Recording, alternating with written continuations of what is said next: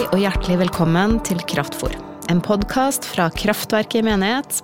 Jeg heter Maria Bjørda og sammen med meg er Kjetil Gilberg. Ja, og Noen ganger så prater vi to bare med hverandre, men som oftest så møter vi folk som vi er nysgjerrig på. Og det alle gjestene våre har til felles, det er at de har en tilknytning til kraftverket. Ja. Og i dag så er vi så heldige at vi har Espen Gilsvik på besøk. Hjertelig velkommen hit, Espen. Tusen takk. Du, vi gir av og til eh, våre gjester noen sånne kjappe dilemmaer, bare for å varme litt opp her i starten. Er du med på det, eller? Dilemmaer, sånn eh, Radioresepsjonen-style. Ja, vet du, jeg har aldri hørt på Radioresepsjonen, men da er det sikkert der Ja, det, kommer er fra. litt sånn her sånne barnslige. Sånn ti centimeter lange eh, negler, eller ti centimeter lange eh, ja, negler på hendene, eller negler på, på føttene. Hva vil du ha ja, valgt? det syns du er barnslig, ja? ja? det syns jeg. Men jo, men barnslig gøy. Ja, barnslig Det- gøy, ja. Ok. Ja, men la oss begynne med eh, eh, et mer sånn generelt eh, fornuftighet, da. Monarkiet Mhm. eller republikk? Hvis du kunne velge. Eh, Nå ser eh, jeg og fruen på The Crown, eh, og jeg heier jo veldig på eh, Lilibet eh, og, og The Crown, altså. Eh, Jeg Ja. syns der eh, Ja, det, det har jo vært en del skandaler eh, opp igjennom i det britiske kongehuset, men, eh, men det er noe flott med den eh, symbolikken og, og det, det opphøyde. Et ideal som vi kan strekke oss etter. Monarkiet, altså. Det høres sånn ut. Ok, dette er kanskje litt mer barnslig gøy. Miste alt håret, da mener jeg alt. Eller aldri klippe noe av det. Miste alt håret. Oh, det var godt du sa akkurat Ja. det. Takk Ja, skal det du ha. var fint. Det, det kona mi hadde Ja, hadde Klikka hvis det ikke ble noe klippings Det, ever det again. tror jeg. Ja. Så er det jo en del sånn eh, kroppshår som òg kan bare være greit å få bort. Er det for uh, intimt? Nei, eller? nei, nei, nei. men Det er lov å si, men så skal det jo sies, da, for dette er jo ingen, ingen som ser oss, og de som ikke kjenner oss, kan jo vite at Espen sitter her med langt, flott hår, langt, stort skjegg, og Ja. jeg sitter her med den blanke skallen min. Så jeg er veldig fornøyd med svaret, Espen. Takk skal du ha. Vær så god. Ja. Det var et svar i solidaritet. Ja. Ja. Men du, hvis du har én time alene, fri, én frintime for deg, Espen, Ja. blir det da en joggetur i marka, eller avis på kafé, eller blir det Netflix på sofaen? Eh, det, det blir eh, noe kniving om de to eh, siste, ja. Eh, helt klart. Så om det ikke blir Netflix, så er det kanskje en podkast eller en eh, bok. Eh, og den kan gjerne tas med på kafé, men jeg liker nok en litt sånn hva heter det, flat positur. Så um, Horisontalen. ligge på sofaen på kafé. Ja, Kafésofaen. Sofakafé. Ja, det er med pod og bok, rett og slett. Ja, det er- Han lagde sin egen miks, han. Det er bra, Espen. Du, vi har invitert deg fordi vi eh, lurer på hvorfor folk slutter å tro på Gud. Eller altså, hvilke erfaringer folk har med religiøs frakobling. Det er sånn du beskriver problemstillinga i doktorgradsstipendiatet ditt. Ja. Ja. Så kan ikke du eh, si oss, Espen, hvorfor slutter folk å tro på Gud? Ja, det skulle jeg gjerne ha, ha svart liksom kort og godt på, så kunne vi ha Vi har god tid. satt to, to streker under svaret og, og blitt ferdig. Men det er jo veldig komplekst. Mm. Det tenker jeg. Eh, Både i, i, eh, i min egen erfaring som, som kristen og som ungdomsleder, og i det jeg har plukka opp i, i ulike studier. Religionspsykologiske og religionssosiologiske studier. Men, men for å begynne med det ene ordet eller begrepet som, eh, som har blitt snakka om her i flere podcaster. Dere intervjuer jo eh, oss og, og eh, gjestene om tro. Hva betyr troen for deg, og hva er troen, og hvordan har trosreisen eller utviklingen vært? Så når du spør om eh, hva er det som skjer, eller hvordan, eh, hvordan ser det ut når mennesker mister troen eller forlater troen, så er første, den første tanken min er, er å liksom finne ut ja, men hva slags tro er det vi snakker om? Eh, Hva betyr det å miste tro? Eh, Er det troen man har i hodet, litt sånn kognitivt? Er det som en slags tilslutning til et teologisk innhold? Er det det at man ikke finner det rasjonelt lenger? Eh, plausibelt? Eh, forklaringer om eh, skapelse eller eh, liksom eh, kreasjonistiske teorier som, som, gjør at det er vanskelig å tro på det, og at man heller eh, begynner å tro på evolusjon, f.eks. Sånn, det er jo ett perspektiv. Betyr det da at man har, har mista troen, eller er det at man har justert og, og endra litt og, og, sett at eh, det som gjerne kalles God of the gaps, eh, det at vitenskapen har, fylt eh, har kommet med noen mer plausible forklaringer etter hvert som vitenskapen har utvikla seg. Eh, og, og, tatt plassen der religiøse forestillinger og forklaringer har, har tidligere vært. Da. Så det er et, et eh, perspektiv, men, ja. men, jeg tror ikke det er gitt at folk bare har um, Ja, hva skal jeg si Har troen i hodet, da. Eh, jeg tror troen sitter vel så mye i det vi gjør, og det vi føler, kanskje. I det sosiale.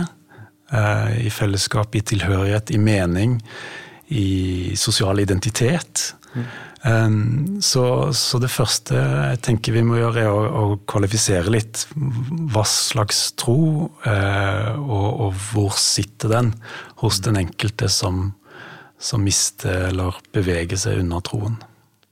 Men tenker du da at eh, alt det du sa nå, alle disse tilfellene, eh, kommer inn under trosbegrepet, da? Eh, ja, det kan jo gjøre det for den enkelte. Mm. Men um, altså For å stille, eh, Det er kjempebra. Hvordan, du, for du forsker jo i dette her, du, på MF. Ja, som ja. Så, så, smått begynt med et uh, doktorgradsprosjekt. Mm. Uh, har begynt å, begynt å, intervjue mennesker som har uh, en eller annen erfaring med temaet religiøs frakobling, eller, ja. eller, det å miste troen, da. Ja, ikke sant? Eh, men, men, hvordan, i det prosjektet der, har du definert tru sjøl?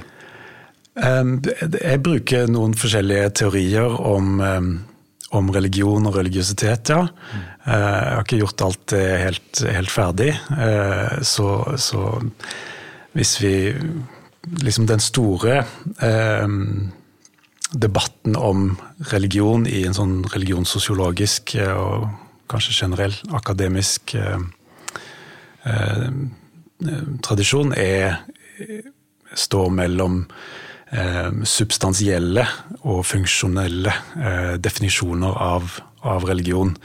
Eh, substansiell vil si hva religionen er. altså noe essensielt, noe litt mer statisk, kanskje. Um, og det, det, kan være veldig greit når man skal Hva er et eksempel på en substansiell eh, trekk, da? Er det sånn noe det er? Ja, det vil kanskje betone eh, det jeg nevnte i starten med, med kognitiv eh, liksom tilslutning til trosinnholdet. Ja, Sånn trosbekjennelsen, for eksempel? Altså... Ja, eksempel. Så hvis, hvis, eh, hvis, du holder på med en sånn stor eh, datainnsamling, statistikk, eh, og du skal telle folk, du er interessert i mengde, så, så, er det jo på en måte mye lettere å spørre folk eh, tror du på Gud, eh, ja og nei. Eh, mens en mer kvalitativ eh, approach da, som, som, jeg bruker, som, som jeg må på en måte ikke bare ha et ja-nei-svar på om folk tror på Gud. Jeg vil jo vite hva de legger i begrepet Gud. Når, når jeg stiller et sånt et spørsmål. Ja. Um, når du stiller et sånt spørsmål, hvem er det du stiller det til? Er det folk som har en kristen bakgrunn, eller er, det, er du i andre religioner og forsker òg? Ja, nei, akkurat mitt prosjekt eh, handler om, eh, om mennesker med, med, kristen bakgrunn. I stor grad eh, frikirkelig. Eh, en del har pinsekarismatisk bakgrunn en del eh, bedehus, lavkirkelig bakgrunn. Um, ja. ja. Det må vi jo komme tilbake til, for det har jo du òg. Det har jeg. Ja, ja. Men, men, før det Bakgrunn og forgrunn og avgrunn og Ja, jeg vet ikke. Ja, ikke sant. Men, men øh, øh, Og jeg presiserer at du er jo forholdsvis tidlig. Det er jo et av tre år som er unnagjort? Ja. ja. Sånn Etter fire år, ja. Etter fire år, selvfølgelig. ja. Eh, så spørsmålet Det er litt tidlig å konkludere, da, men har du funnet noen ting? Har du funnet noe fellestrekk på hva det er som gjør La meg nå gjøre det enkelt, at folk slutter ja. å tro på Gud. Ja, ja. Eller kobler seg fra religion, eller hva du nå vil si.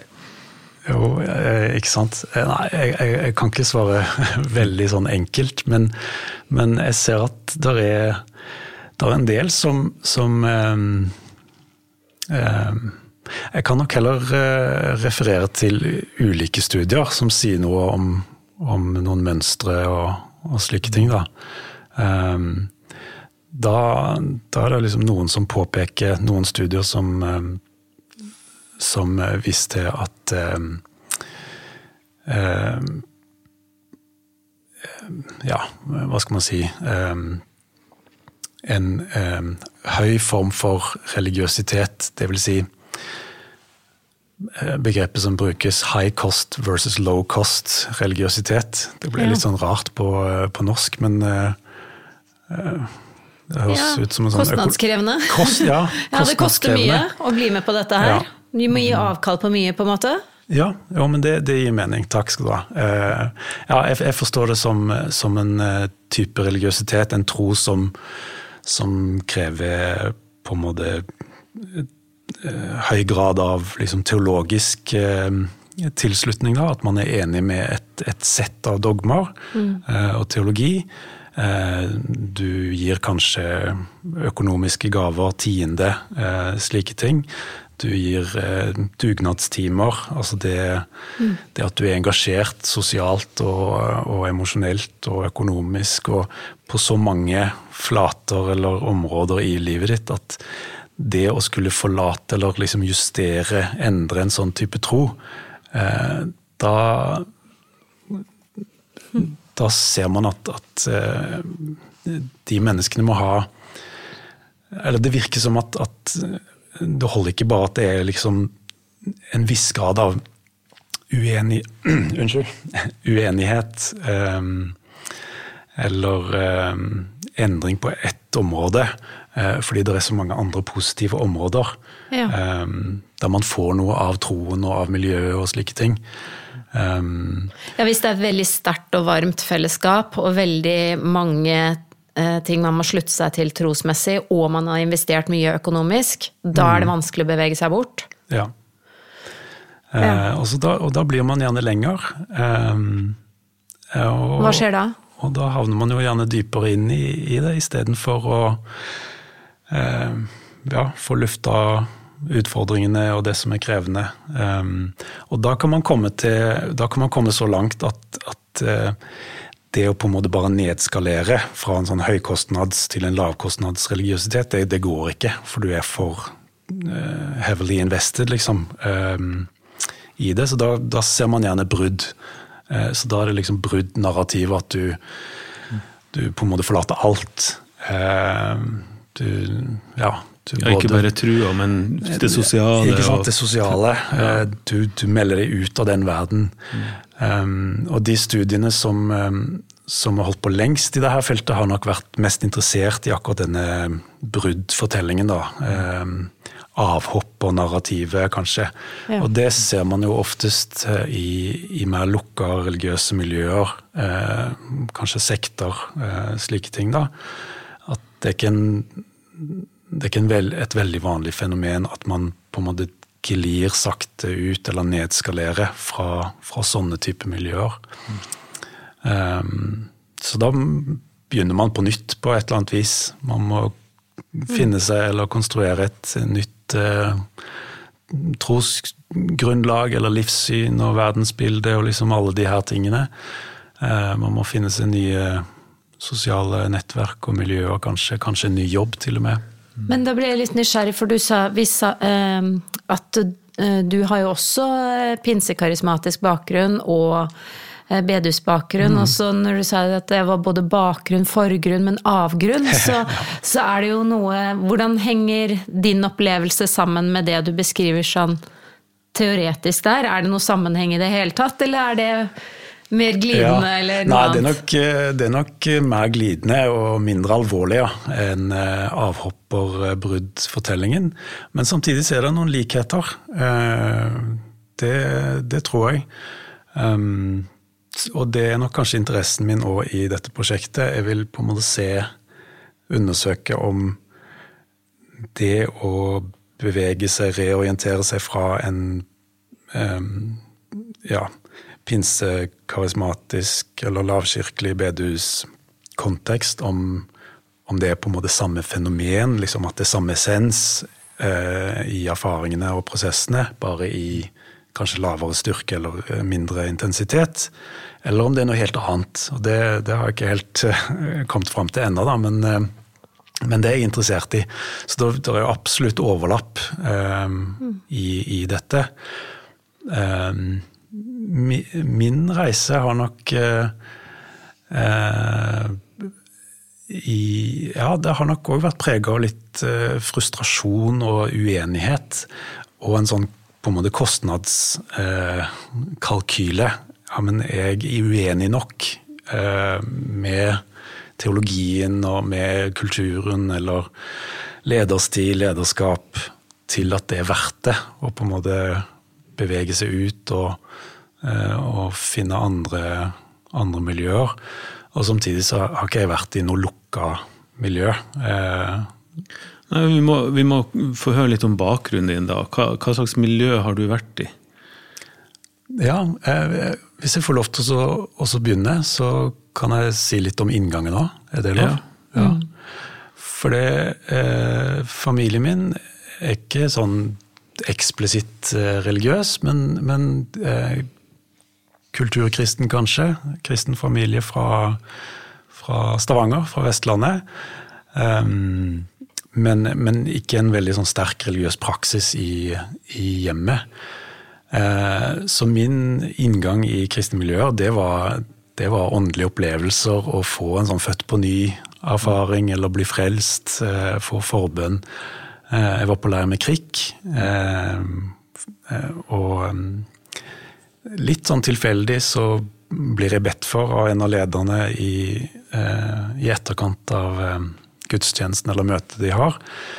Og så får jeg en, en sterk eh, fysisk, emosjonell slash åndelig eh, opplevelse eh, der jeg kjenner en varme i kroppen og eh, begynner å gråte. Eh, og det er en slags rar, ukjent følelse, og samtidig så er det befriende.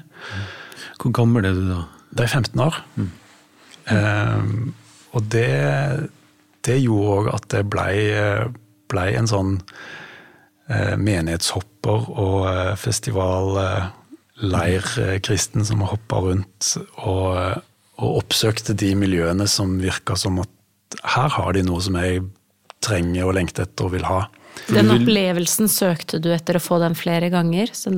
ja, definitivt. Ja. Uh, og det, nå i dag så kan jeg jo sitte og, og, og, ha litt ulike forklaringer på akkurat hva det var jeg opplevde, men det var ganske logisk når jeg etter hvert kom inn i uh, først i Misjonskirke og så i, i, Jesus Revolution på slutten av 90-tallet. Uh, og ulike pinse pinsekarismatiske miljøer, så var det de forklaringene eh, som, som, ble gitt. da, At dette er Den hellige ånd, eh, åndsdåp, frelsesopplevelse. Eh, så det, det på en måte korresponderte eh, med, med disse gode følelsene, da. Mm.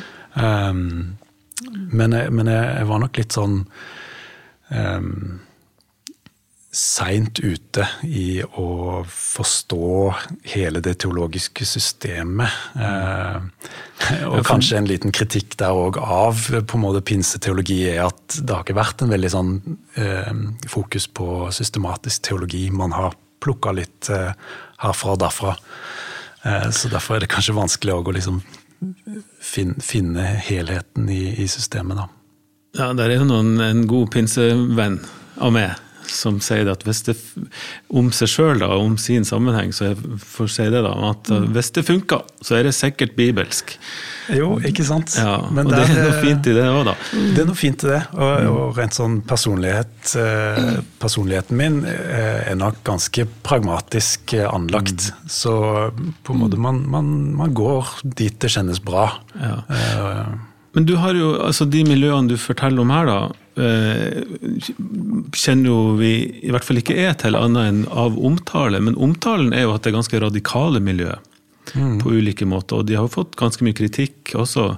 Så når du snakker om, om, eh, om ulike grad av brudd, ja. så eh, kan det stemme at i denne sammenhengen er det mange hvor bruddene har vært ganske radikale? Mm. Inngangen har vært radikal, og utgangen kanskje også. Ja. Men ikke så radikalt for det, da, sa du? Nei, ja.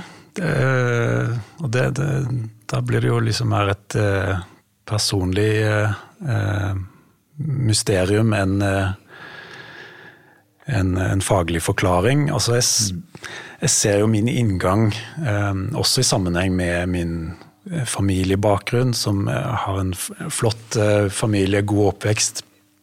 Men vi hadde ikke et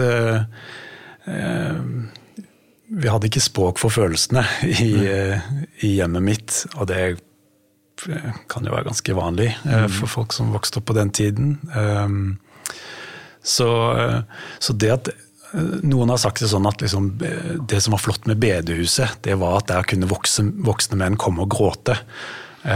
og det var litt sånn Det var en slags forløsning når, når jeg mm. opplevde at Oi, i, på bedehuset, eh, mm. i, i, kirka, i disse miljøene, så, så, kan man Jeg husker første gang jeg var på krikkleir og liksom så etter det var andakt, og noen satt i en krok og tente lys. Jeg tror de hadde liksom lys i en sånn korsformasjon.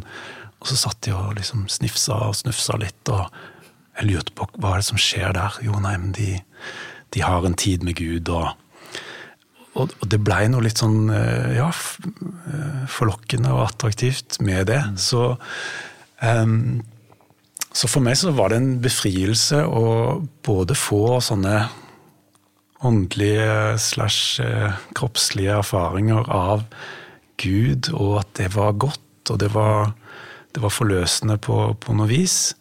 Og når du i tillegg har eh, sosiale miljøer der du kan på en måte si til guttekompiser, og du er 16-17 år Du, jeg er skikkelig glad i deg.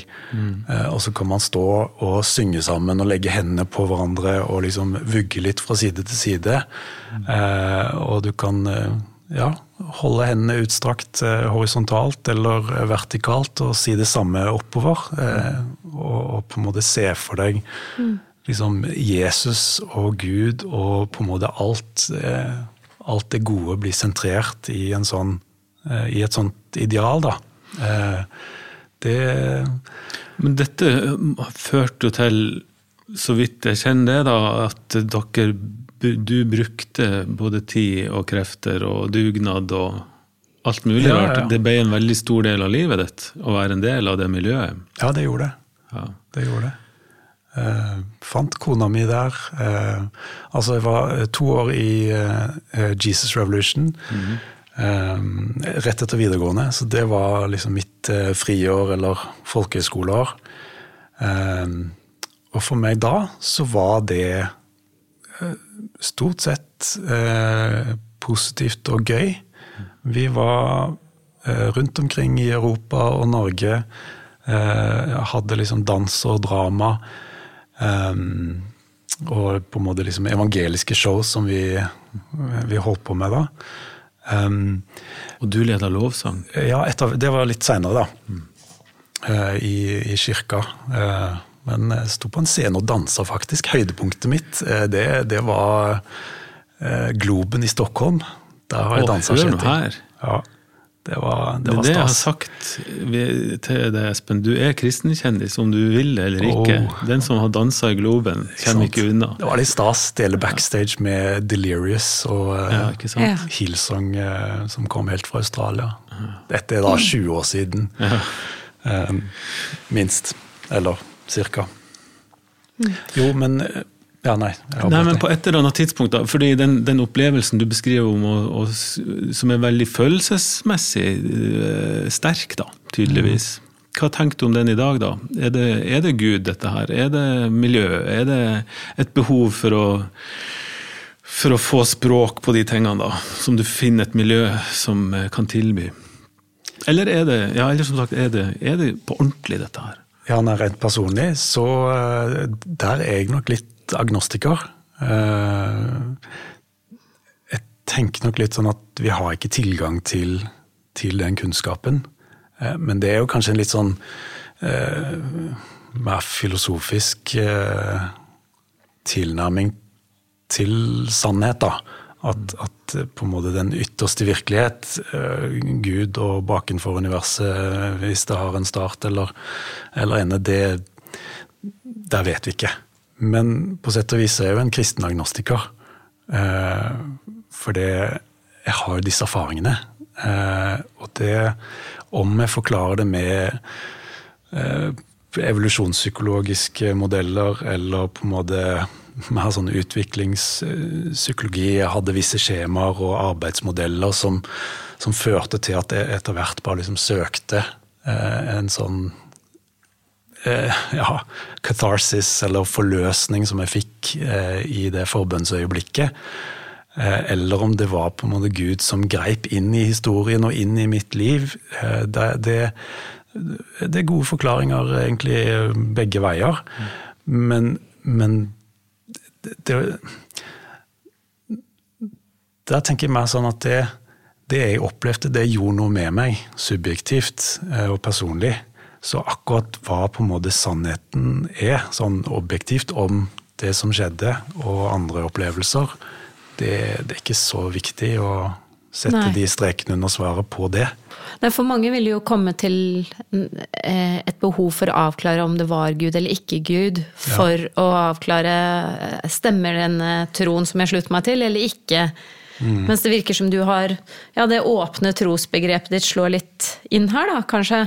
Ja, det, det, det gjør det. Definitivt. At det kan være en del av å være et menneske mm. som opplever noe fint. Men det kan også Jeg kjenner meg jo litt igjen. Jeg sitter her og er litt sånn forundra, for jeg kjenner meg veldig igjen i mange av opplevelsene dine i livet. Mm. Um, at uh, sterke følelsesmessige opplevelser er viktig på et eller annet tidspunkt for å danne troen, men så på en måte gir det ikke helt mening. Mm. Og så må man finne, finne en annen mening og, og, navigere på en annen måte.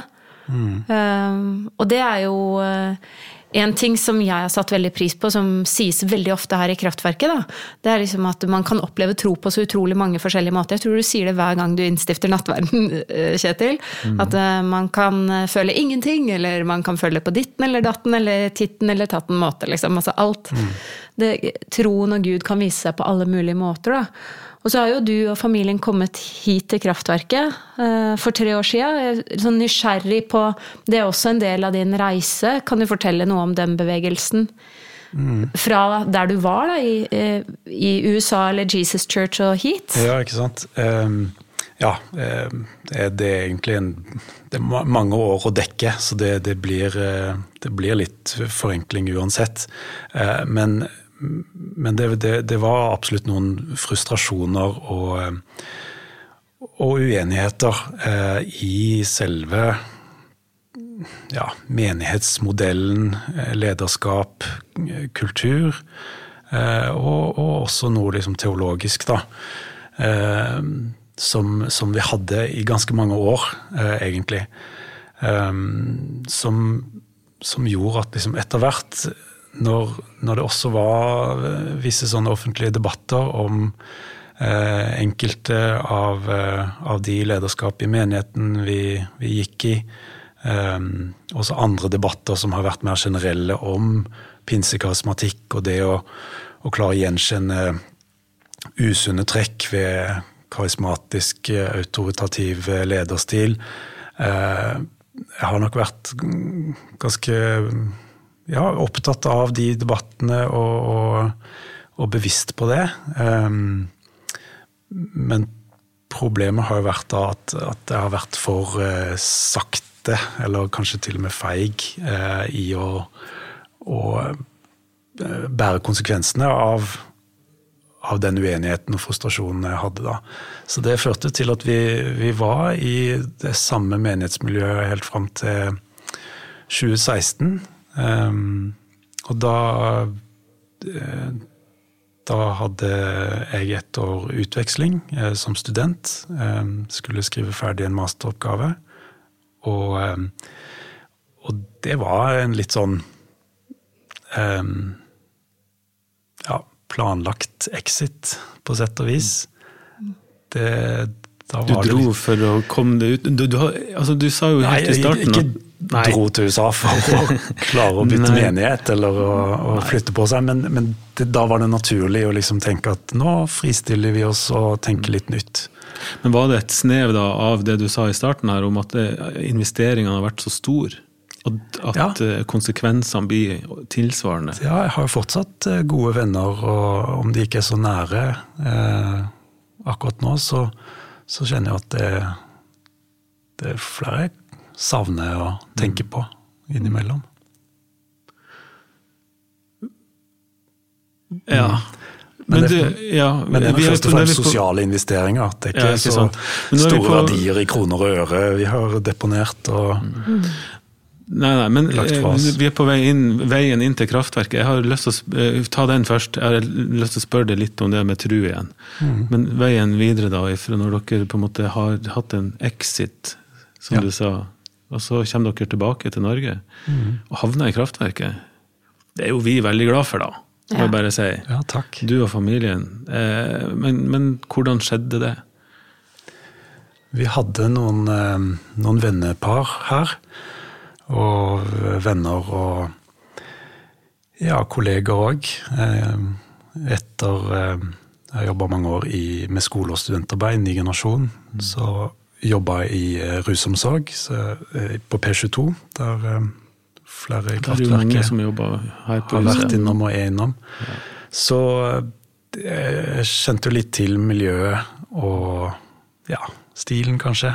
Jeg hadde inntrykk av at folk hadde blitt godt tatt imot.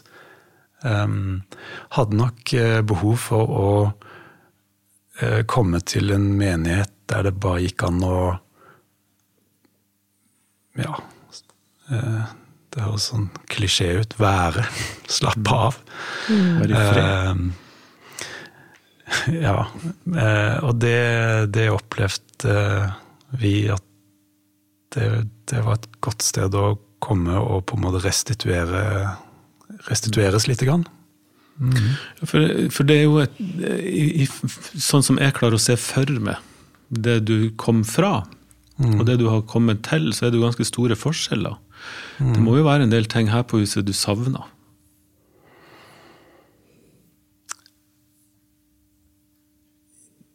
Ja, tja Jeg vet ikke. Um, jeg tenker at det var på en måte såpass mange uh, endringer uh, som hadde skjedd på innsiden uh, i, i min tro, i hvert fall, og tenkning om um, hva det vil si å være kristen, og um, hva menighet betyr. At det, det var på en måte oppstått eh, før virkeligheten rundt meg hadde endra seg. Så um, jo, men, men jeg, jeg, kan jo fortsatt savne noen av de religiøse følelsene og, og rommet for, for det det emosjonelle i troen. Ja. Og samtidig så er jeg jo litt skeptisk til det òg.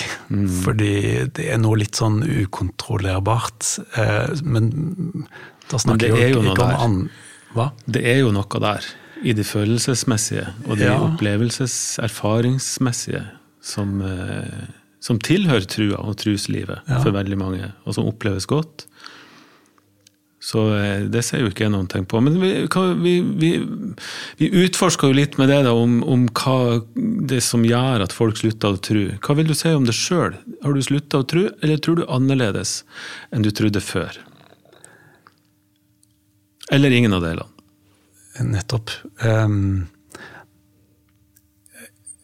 jeg stiller meg sjøl det spørsmålet om uh, om jeg egentlig er klar over hva jeg tror på enhver, til enhver tid. Det er nok kanskje en litt sånn jeg vet ikke, selvransakende, kanskje sånn psykoanalytisk eh, eh, tilnærming til at hvis vi bare tenker tro som, som trosinnhold og det vi har i hodet til enhver tid, så, så endrer jo det seg hele tiden, tenker jeg. Um, og det Noen ganger kan vi si at vi tror på ditt eller datt, men se på praksisen og livet, livet vårt, livet mitt, mm. Uh, reflektere det, det jeg sier at jeg tror. Um, så da, da, innser jeg jo at det har vært en del av en um, tradisjon som har hatt et ganske uttalt trosgrunnlag. Mm. Men jeg har liksom spurt meg selv ja, hvor mye av dette har jeg trodd på? Altså med liksom hele mitt uh, med hele mitt vesen og mm. uh, all min praksis, da. For eksempel så, så har jo mange eh, bekjente og, og, og, venner som har sagt at noe av det de har tatt oppgjør med eh, i miljøene sine, har, har handla om eh, syn på fortapelse, helvete, synd. Eh, litt sånne dystre, skremmende temaer, kanskje. Um, og jeg har jo på en måte vært en del av, eh, av de samme miljøene der han har, har snakka om de samme tingene. Men så har jeg hatt lite på en måte eksistensiell angst og uro knytta til, til, det. Um, og det Ja, hva skal jeg si? Har jeg liksom virkelig trodd på det, da? Ja. Uh, men ja, det kan jo bli en slags renvasking òg, det, det, er ikke det jeg prøver på.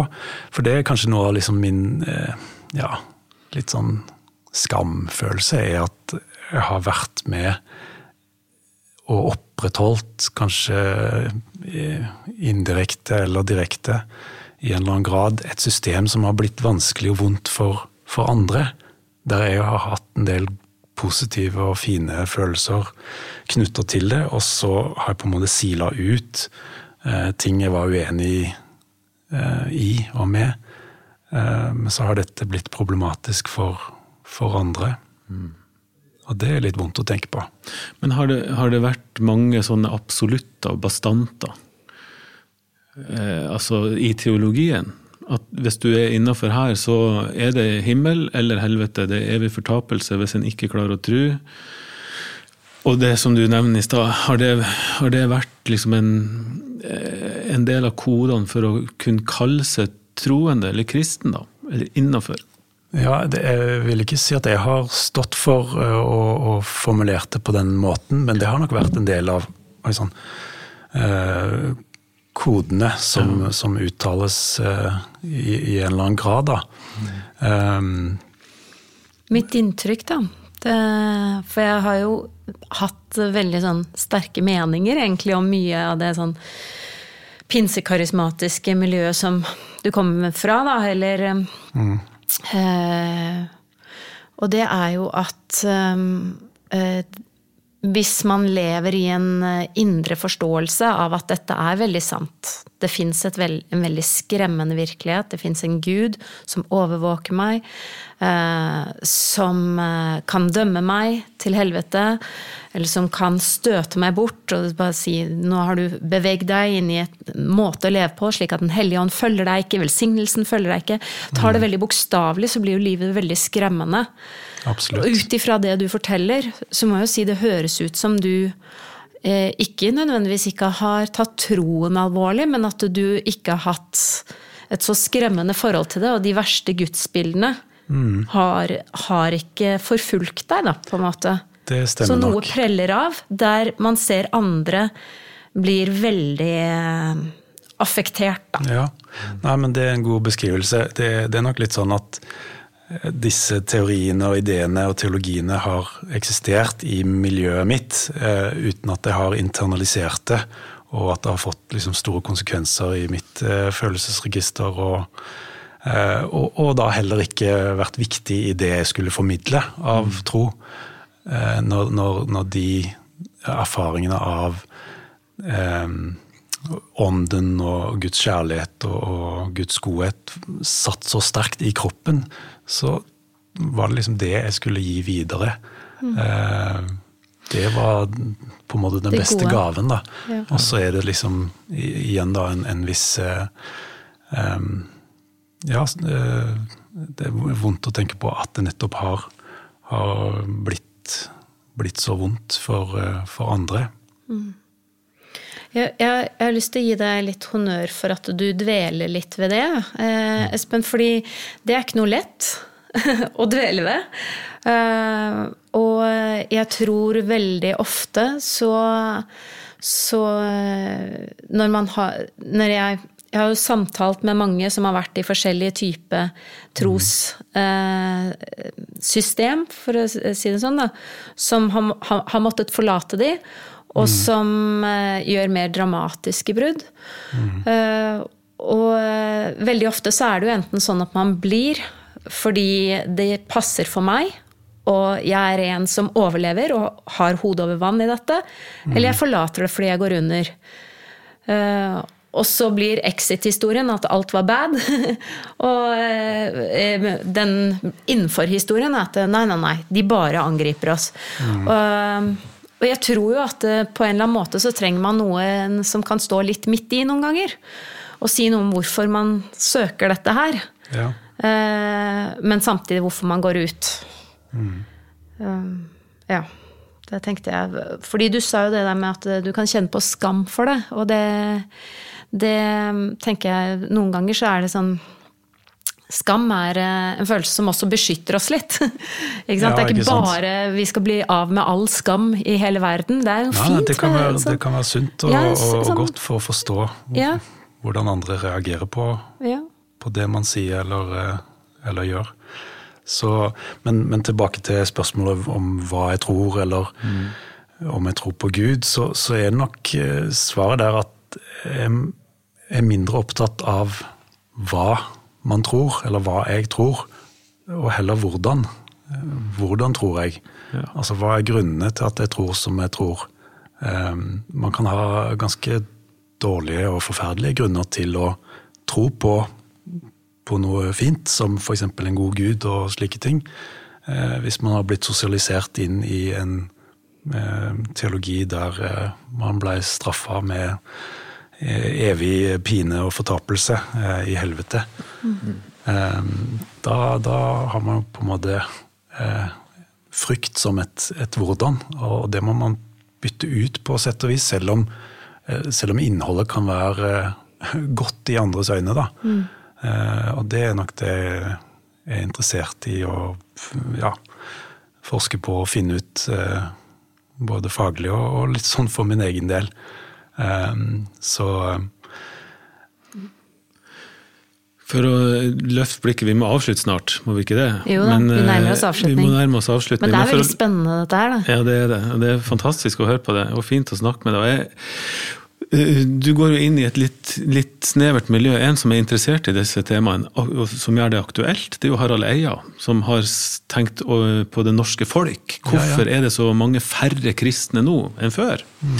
Og han gikk jo ut i, i, på programmet sitt, som jeg ikke husker hva heter, og har fått masse oppmerksomhet på påstanden om at, at vi tror mindre nå fordi at vi har det så bra. Mm. Hva tenkte du om det? Eh, jo, altså han, han, anvender jo en eh, Eh, en etablert eh, liksom, religionssosiologisk teori.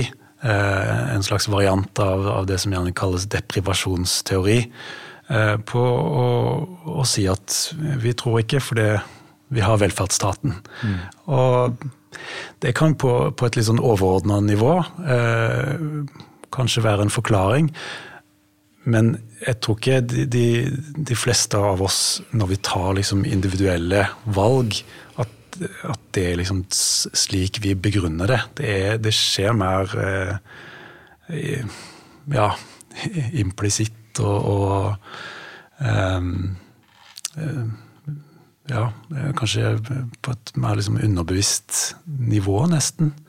Um, så det er jo andre, andre teorier som forklarer hvorfor mennesker ikke tror lenger. Eh, men, men jeg syns han på, på et, et, lite kvarter så, så, klarer han å liksom peke på viktige korrelasjoner, at det er en korrelasjon mellom eh, høy utdannelse og, og lav religiøsitet. Eh, bedre helse og lav religiøsitet. Men allikevel, liksom, uansett hvor, hvor, bra vi får det i Vesten eller i Norge, så, så, kommer religion til å finnes i en eller annen form. Eh, for det, vi kommer aldri til å på en måte komme unna lidelse og smerte. Eh, den fins, bare på et litt sånn annet nivå. Eh, og derfor tenker jeg òg at ja, religion har en funksjon, da. Så om vi snakker om liksom om religionen, om kristendommen eller en annen tradisjon er sann, der, sa jeg litt for min egen del, men, men det er kanskje sånn faglig, en faglig posisjon òg. En slags sånn metodologisk agnostisisme. Eh, der man kan studere det som er eh, samfunnet, ikke sant. Men eh, jeg tenker at religionen kommer til å utfylle eh, en eller annen funksjon som har med tilhørighet, mening, eh, strukturere menneskers eh, hverdag inn i helligdager og ritualer og, og ting som, som, betyr noe for oss, eh, liksom uavhengig hvor, eh, hvor godt, godt, vi har det. Vi kommer alle til å, til å møte en eller annen form for eh, smerte, død, tap, lidelse. Da.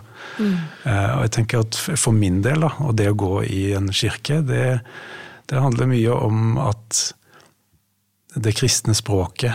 Ehm, det gir, det gir en hjelp i å, å, ta i disse eksistensielle temaene. Det, mm. det å gå til nattvær og bli eh, minnet om min egen dødelighet, de rundt meg som jeg er glad i, at de kommer til å forsvinne, at uforutsette ting kan skje. Eh, og det å, å, på en måte løfte opp eh, ja, historien om Jesus, eh, inkarnasjonen, at Gud blir menneske, alle disse ideene. Jeg vet at kanskje det kan høres litt sånn sjettårsgud og, og, og, ikke være opptatt av, av eh, om de er sanne, om de er historiske. Eh, så det er ikke det jeg sier at det ikke er viktig, men, men akkurat for meg så, så, er det viktigere hva det gjør med meg. Eh, og så, er det sikkert gode religionsfilosofer og teologer og, som, som, kan alle de her gode argumentene for nettopp hvorfor det, det er sant og, og slike ting. Eh, en illustrasjon, illustrasjon, hvis jeg kan bare ta den, det er um, en teolog og filosof som heter Pete Rollins. Peter Rollins som, mm. som får akkurat det her spørsmålet. da, Tror du at Jesus døde eh, på korset og sto opp igjen? Eh, og ble liksom litt pressa på det her. Og så sier han at ja, men hva, hva er det egentlig du spør om? Hva, eh, at, at, om det var en historisk hendelse som skjedde, eller er du interessert i liksom hva det har gjort med meg? Og så bruker han en eh, allegori da, og, og sier at du kan stille spørsmålet er ditt barn det vakreste i verden? Mm.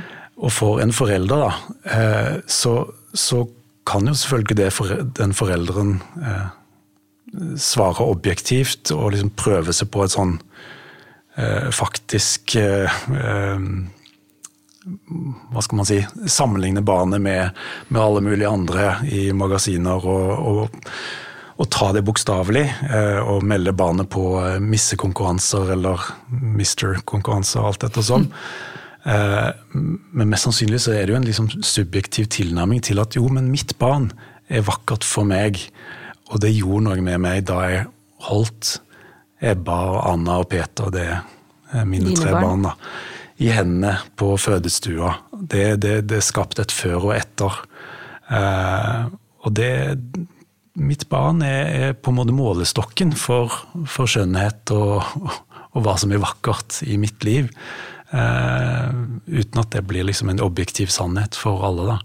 Så jeg liker den allegorien der, der det blir tilnærmingen også til personen Jesus og evangeliet. Eh, det er hva, hva gjør evangeliet med meg? Mm. Gjør det noe som, som, endrer prioriteringene mine? Som gjør at jeg blir et, et, bedre medmenneske, en bedre partner og far og kollega, kanskje, og slike ting. Ja. Det, det var utrolig fin avslutning. Uh, vi kommer jo til å fortsette å spørre hvorfor eh, man mister tro i kraftverket, men vi skal også holde fast i nettopp hvorfor og hvordan tro, som eh, du har sagt noe om nå til slutt. Takk for i dag, dere. Ja, takk for i dag, og tusen takk til deg, Espen, for at du kom hit.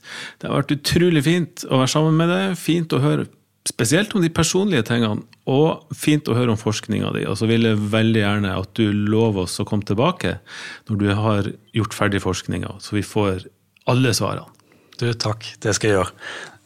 I dag ble det som, som sagt litt personlig, og så får jeg komme tilbake og, og gå gjennom de faglige teoriene neste gang. Det gleder vi oss til. Takk for i dag.